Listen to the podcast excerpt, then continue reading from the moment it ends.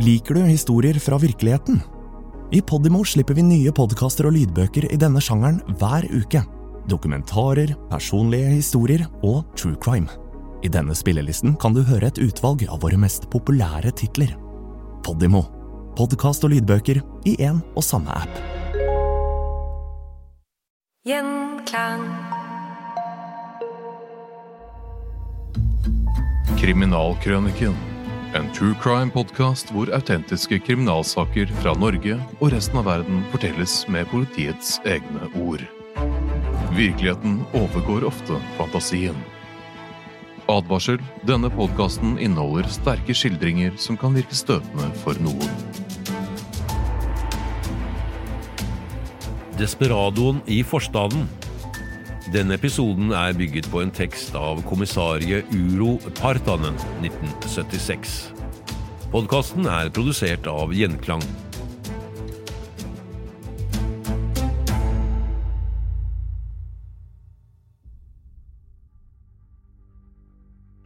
Hvor fort kan ting snu?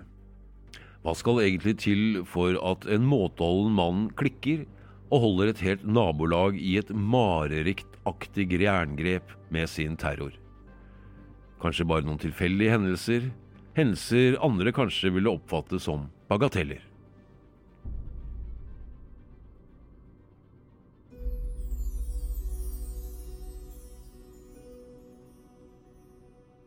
Det var en helt vanlig lørdagskveld i 1974 i Mortensdal i forstaden Vanda utenfor Helsingfors. Flymekanikeren Vilja tilbrakte kvelden sammen med noen arbeidskamerater, og tiden gikk fort i hyggelig selskap. Vilja var fornøyd med livet. Ganske nylig hadde han fått eh, fast jobb i et stort flyselskap. Takket være nyansettelsen hadde han fått lønnsøkning, og han hadde kjøpt leilighet ved hjelp av banklån. Han var gift, men hans kone var for tiden på Kanariøyene med familiens eneste barn for å koble av og sole seg. Familien skulle samles igjen neste kveld, og Vilja hadde lovet å møte kone og barn på flyplassen.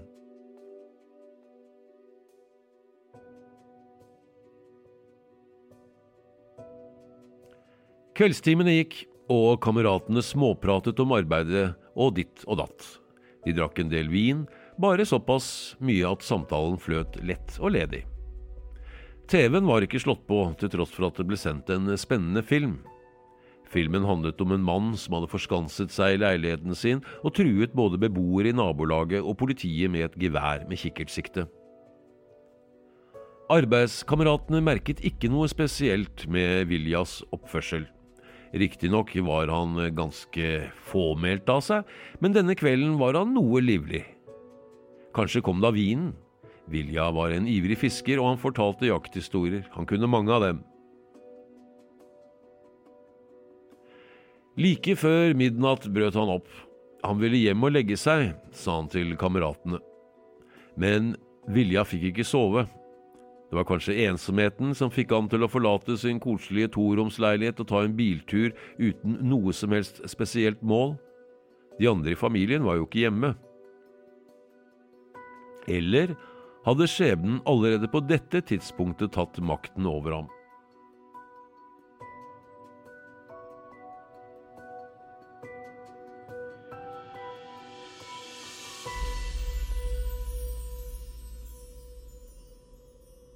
Det var allerede søndag da Vilja kom frem til restauranten i forstaden. Han bestilte et par øl og danset litt. Viljas biltur begrenset seg ikke til gatene i forstaden. Klokka 010 om natta la en patruljerende politibil i Helsingfors merke til en Volkswagen som kjørte uten lys i nærheten av sentralbanestasjonen. Patruljen stanset bilen og oppdaget at sjåføren var Vilja flymekanikeren. Det utydelige språket hans, måten han beveget seg på og alkohollukten vitnet om at det var en promillekjører politiet hadde med å gjøre. Politiet tok ham med til politistasjonen, og på ordre fra Sjorhavende overkonstabel ble han transportert videre til undersøkelse hos rettslegen. Før de dro til rettslegen, bønnfalt Vilja Sjorhavende politimann om å la saken ligge. Han var tatt en gang før for promillekjøring, og nå var han sikker på at han ville miste jobben hvis det skulle skje en gang til. Overkonstabelen kunne selvfølgelig ikke gi etter for slike bønner, og det endte med at Vilja flere ganger truet med at han da ville skyte seg. Han eh, hadde våpen hjemme. Da Vilja ble fremstilt for rettslegen, gjentok han truslene om å begå selvmord. Legen fortalte dette til politiet, og de ble enige om at det kanskje var best å ikke la ham reise hjem riktig ennå. På politistasjonen ble Vilja plassert i en såkalt ventecelle. Da han hadde sittet der en stund, ville han at politiet skulle ringe etter en drosje til ham, slik at han kunne komme seg hjem. Politiet gikk med på det, og Vilja forlot stasjonen omkring klokka fire om natta.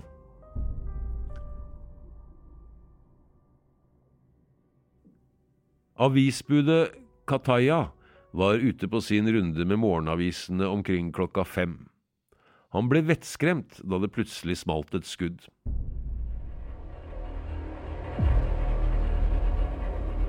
Det traff bakken like ved siden av ham. Så smalt det igjen, og han kjente noe på halsen. Da han tok hånden til halsen, kjente han at den ble helt klebrig av blod.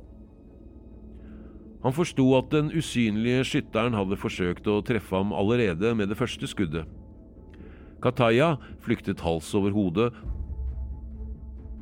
Samtidig var familien Pirka våknet av smellene som de trodde kom fra et sprengningsarbeid i nærheten. Fru Pirka syntes ikke at en tidlig søndag morgen var det rette tidspunkt for sprengningsarbeider, og derfor sto hun opp. Nysgjerrig som hun var, gikk hun ut på balkongen for å finne ut hva det var som skjedde, men hun kom seg raskt inn igjen da hun oppdaget at det var Vilja som skjøt fra balkongen sin, som lå rett under familien Pirkas. Smellene fra skuddene runget i den klare natteluften. Tross larmen hørte hun at Vilja gjentok igjen og igjen nede på sin balkong. Pokker, er det ingen som kan tilkalle politiet? Ellers kommer jeg jo til å drepe noen. Fru Pirka ringte til politistasjonen i Dickensby, og der lovet de å sende en patrulje med en gang. Pastor Leinonen, som bodde i samme trappeoppgang som Vilja, våknet omtrent eh, fem om morgenen av at det ringte på døren. Han nølte litt før han åpnet, så tidlig på morgenkvisten. Gjennom den lukkede døren spurte han hvem det var som ringte på, og fikk til svar at det er bare Kari. Leinonen spurte etter etternavnet og fikk vite at det var Vilja, flymekanikeren som sto utenfor.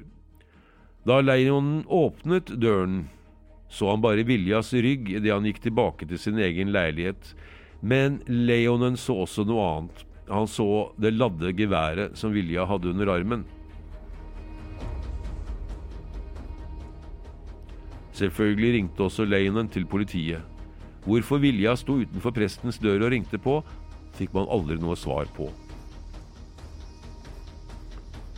Klokka 05.45 kom en patruljebil med to politimenn til høyblokka hvor Vilja bodde. Da de steg ut av bilen, smalt det, og en kule slo i gata foran politibilen. Det andre skuddet kom som et lyn og traff kanten av vinduet før det rikosjerte til høyre frontdør på politibilen. Politimennene søkte dekning. De klarte ikke å avgjøre hvor skuddene kom fra. Idet den ene politimannen begynte å springe vekk fra bilen, dundret det en rekke skudd igjen. Minst fire skudd ble rettet mot den løpende mannen. To slo ned rett foran, og to like bak ham før han rakk å komme i dekning bak en jordvoll. Den andre politimannen ble ved bilen og gjemte seg bak det høyre forhjulet. Vilja sendte en skuddsalve mot bilen igjen. En kule traff venstre bakhjul, og det neste skuddet slo gjennom vinduet og derfra ut gjennom bilens høyre side. Politimannen forsto at det var for risikabelt å bli der han var, og styrtet til nærmeste hus. Vilja skjøt ikke noe mer mot ham. Frem til klokka seks om morgenen hadde en rekke mennesker ringt til Dickensby politistasjon. Både privatpersoner og politifolk ba om ytterligere forsterkninger.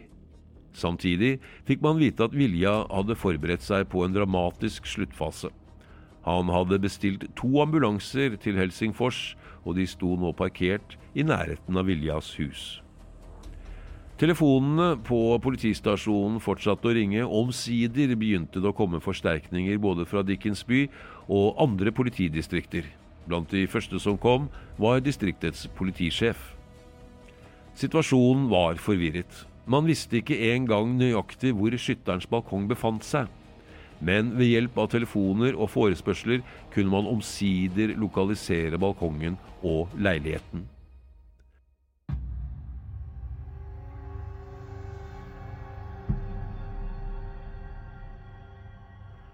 Det ble klart at Vilja hadde mulighet til å skyte i alle retninger rundt huset. Leiligheten hans gikk nemlig tvers gjennom huset. Videre hadde politiet sett av våpenregisteret at han hadde tillatelse til å bære våpen, og at han hadde lisens for åtte forskjellige våpen. Etter ordre fra politisjefen ble det farlige området sperret av. Alle som bodde innen rekkevidde av Viljas gevær, ble advart ved at politiet gikk fra dør til dør og varslet, og ved bruk av megafoner. I de første morgentimene ble Viljas eh, trappeoppgang besatt av politiet. Naboene ble evakuert til sikrere steder. Klokka sju fikk politiet for første gang kontakt med Vilja, og det skjedde via telefonen. I lignende situasjoner tidligere hadde man brukt telefonen med stort hell. Bare noen uker tidligere hadde politiet oppnådd et godt resultat med denne metoden. Men samtalen og overtalelsesforsøket gjorde ikke noe som helst inntrykk på Vilja. Tvert imot, det var han som dikterte sine betingelser. For det første krevde han at uh, de politimennene som hadde grepet ham i promillekjøring, skulle komme til huset. Han ville snakke med dem. Hvis de ikke kom, ville han begynne å skyte mot vinduene i nabohuset. Og hvis det heller ikke hjalp, ville han begynne å sikte på sivile. Den første tidsfristen ble sagt klokka åtte. Da forlenget han tiden med en halv time, men i løpet av den halvtimen avfyrte han noen skudd mot antennene på nabohuset. Han brukte fremdeles geværet med kikkertsikte. Da også denne fristen var omme, nektet han å stanse skytingen slik politiet forlangte. Han sa i stedet at han ville fortsette med å skyte til politiet ga etter og oppfylte kravene hans. Vilja lovet å holde telefonforbindelsen åpen. Nå og da gikk han ut på balkongen og avfyrte noen skudd. Klokka 09.25 la han på røret. Før han gjorde det, vekslet han noen ord med politisjefen. Han forklarte at han ikke ville kapitulere eller stoppe skytingen. I stedet sa han klart og tydelig at han uten forvarsel ville drepe alle som forsøkte å komme inn i leiligheten. Etter dette var alt stille i Viljas leilighet. Han svarte ikke på telefonoppringninger, og man kunne heller ikke se at han beveget seg i leiligheten. Politiet forsøkte å komme i kontakt med ham ved hjelp av megafoner, men uten resultat. Utpå formiddagen ankom en spesialgruppe til stedet, bl.a. en mann med kikkertsikte på geværet. Til og med Politiskolens psykologilærer kom for å sette sin teori ut i praksis. Ved middagstid hadde politiet klart å beleire faresonen, og man hadde dessuten plassert folk på strategiske steder. Disse var utrustet med kikkerter og walkietalkie. Nå kunne politiet følge Viljas bevegelser hele tiden. I løpet av formiddagen hadde politiet også okkupert de leilighetene som lå over og ved siden av Viljas toromsleilighet. Politisjefen i distriktet hadde nå et tungt ansvar på sine skuldre. Skulle man sette hardt mot hardt, eller fortsette med overtalelsesforsøkene? Han valgte det siste. Ennå var det jo ikke noe alvorlig skjedd, bortsett fra at avisbudet var blitt lettere skadet. Politiet hadde heller ikke brukt alle muligheter til overtalelse. Blant annet var Viljas foreldre på vei til stedet. De bodde ca. ti mil unna Dickens by. Hei! Har du lyst til å høre mer som denne podkasten, men helt reklamefritt? Da vil jeg anbefale deg å laste ned Podimo-appen for en gratis prøveperiode. Ikke bare finner du kvalitetspodkaster innen alle sjangere, men også flere av de mest populære lydbøkene. Alt sammen i Podimo-appen.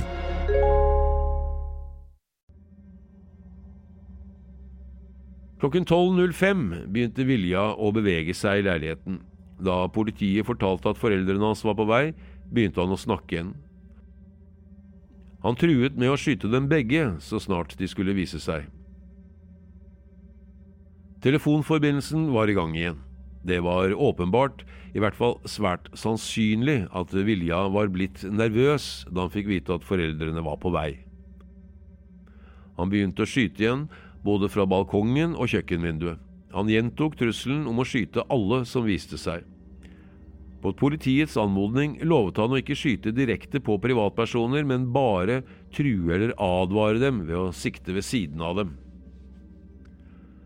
Radioen hadde sendt ut nyheter om dramaet, og nysgjerrige tilskuere strømmet til hele tiden. Da politiets sperringer ikke var like effektive overalt, kom folk av og til inn i faresonen. Dette skyldtes enten ren uvitenhet om hvor farlig det var å oppholde seg der, eller dumdristighet. Tross foreldrenes forsøk på overtalelser og psykologens gode råd til Vilja om å kapitulere, hvilket ble formidlet per telefon og megafon, forsikret Vilja at han ikke ville gi opp. Tvert imot gjentok han truslene om å drepe hver eneste menneske som forsøkte å trenge seg inn i leiligheten. Hittil hadde ikke politiet løsnet et eneste skudd, men Vilja var helt krakilsk. Han fortsatte å skyte både gjennom vinduene og fra balkongen. Han brukte for det meste geværet med kikkertsikte, men også andre våpen innimellom. En sivil person ble truffet i venstre arm av splinter fra en kule. Han kom heldigvis fra det med et kjøttsår. Han hadde stått på ca. 250 meters hold og fulgt dramaet av ren nysgjerrighet. Vilja hadde også rukket å skyte mot to andre politibiler. Den ene sto tom omtrent 100 meter fra Vilja, på et sted som politiet trodde var utenfor skuddvidde. Den andre bilen var i gang da en kule traff den høyre skvettlappen. Kulene kom farende gjennom en trang åpning mellom to hus og viste hvor oppmerksom Vilja var på balkongen.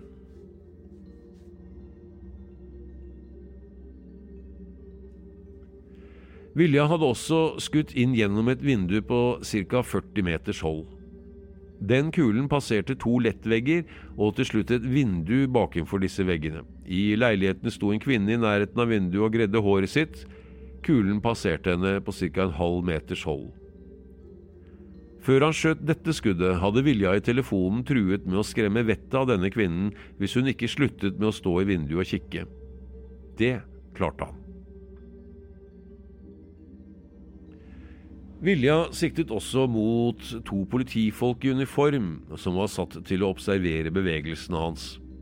I begge tilfellene hadde kulene gått forbi like ved ansiktet, heldigvis uten å volde noen skader, men det var ingen tvil om at de svevde i livsfare. I begge disse tilfellene hadde Vilja klart å krype langs gulvet frem til balkongen uten å bli oppdaget. Det var nå klart at man ikke kom noen vei eh, ved å forhandle med Vilja. Spesielt ikke etter at man hadde oppdaget at han hadde styrket seg med alkohol. Tre ganger ga politiet ham ordre om å kapitulere, ellers ville de storme leiligheten. Men ingenting hjalp. Vilja fortsatte å skyte, nå på en slik måte at politiet ikke kunne se hva han drev med.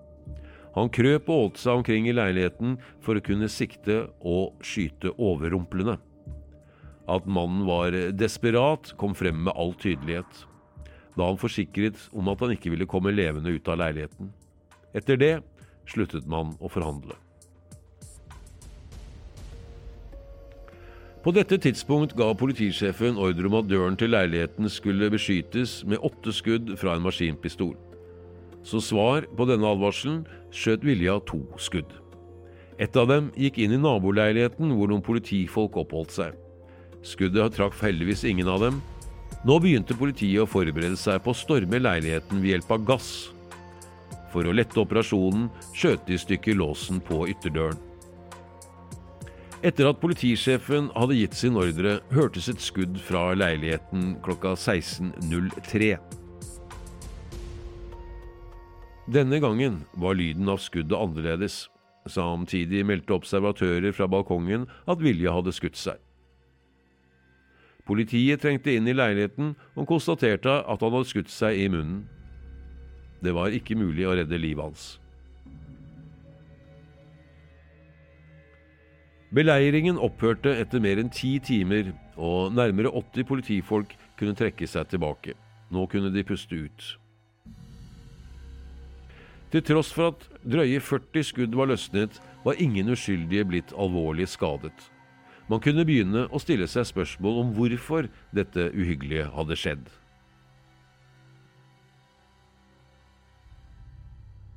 Mannen som hadde holdt så mange mennesker i et marerittlignende grep, var 32 år gammel. Han var kjent for å være måteholden når det gjaldt alkohol. Hvorfor begynte han å skyte? Han hadde aldri vært innlagt på mentalsykehus, og var, så vidt man kjente til, ikke sinnssyk. Lå årsaken i skammen over å være grepet i promillekjøring? Eller var det frykten for å miste jobben som i hans alkoholtåkede tilstand fremkalte en forstyrrelse i sinnet hans?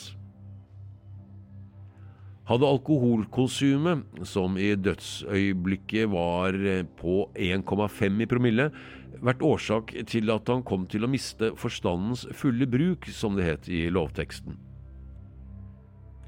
Hvis man svarer ja på disse spørsmålene, kommer man kanskje nærmere sannheten, men svaret kommer ikke til å bli annet enn gjetning uansett.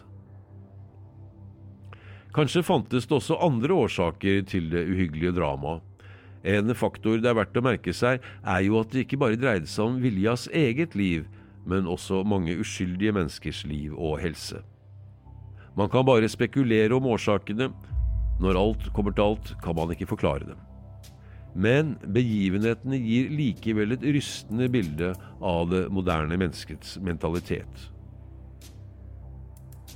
Tusenvis av tilskuere befant seg på stedet i løpet av dagen, og mange av dem satte, til tross for politiets advarsler, livene sine på spill. Omkring 200-300 tilskuere ventet trofast til Viljas døde legeme ble båret ut til likbilen som ventet utenfor. Situasjonen minnet kanskje om ting man ser på TV-filmer. Tilskuernes atferdsmønster viste at de oppfattet virkeligheten omtrent som en oppdiktet filmhistorie med likegladhet og trygghet. Men hvis filmen hadde hatt en annen slutt, hvis noen av tilskuerne var blitt drept av skuddene, ville det vært politiets feil? Desperadoen i forstaden. Denne episoden er bygget på en tekst av kommissarie Uro Partanen 1976. Podkasten er produsert av Gjenklang.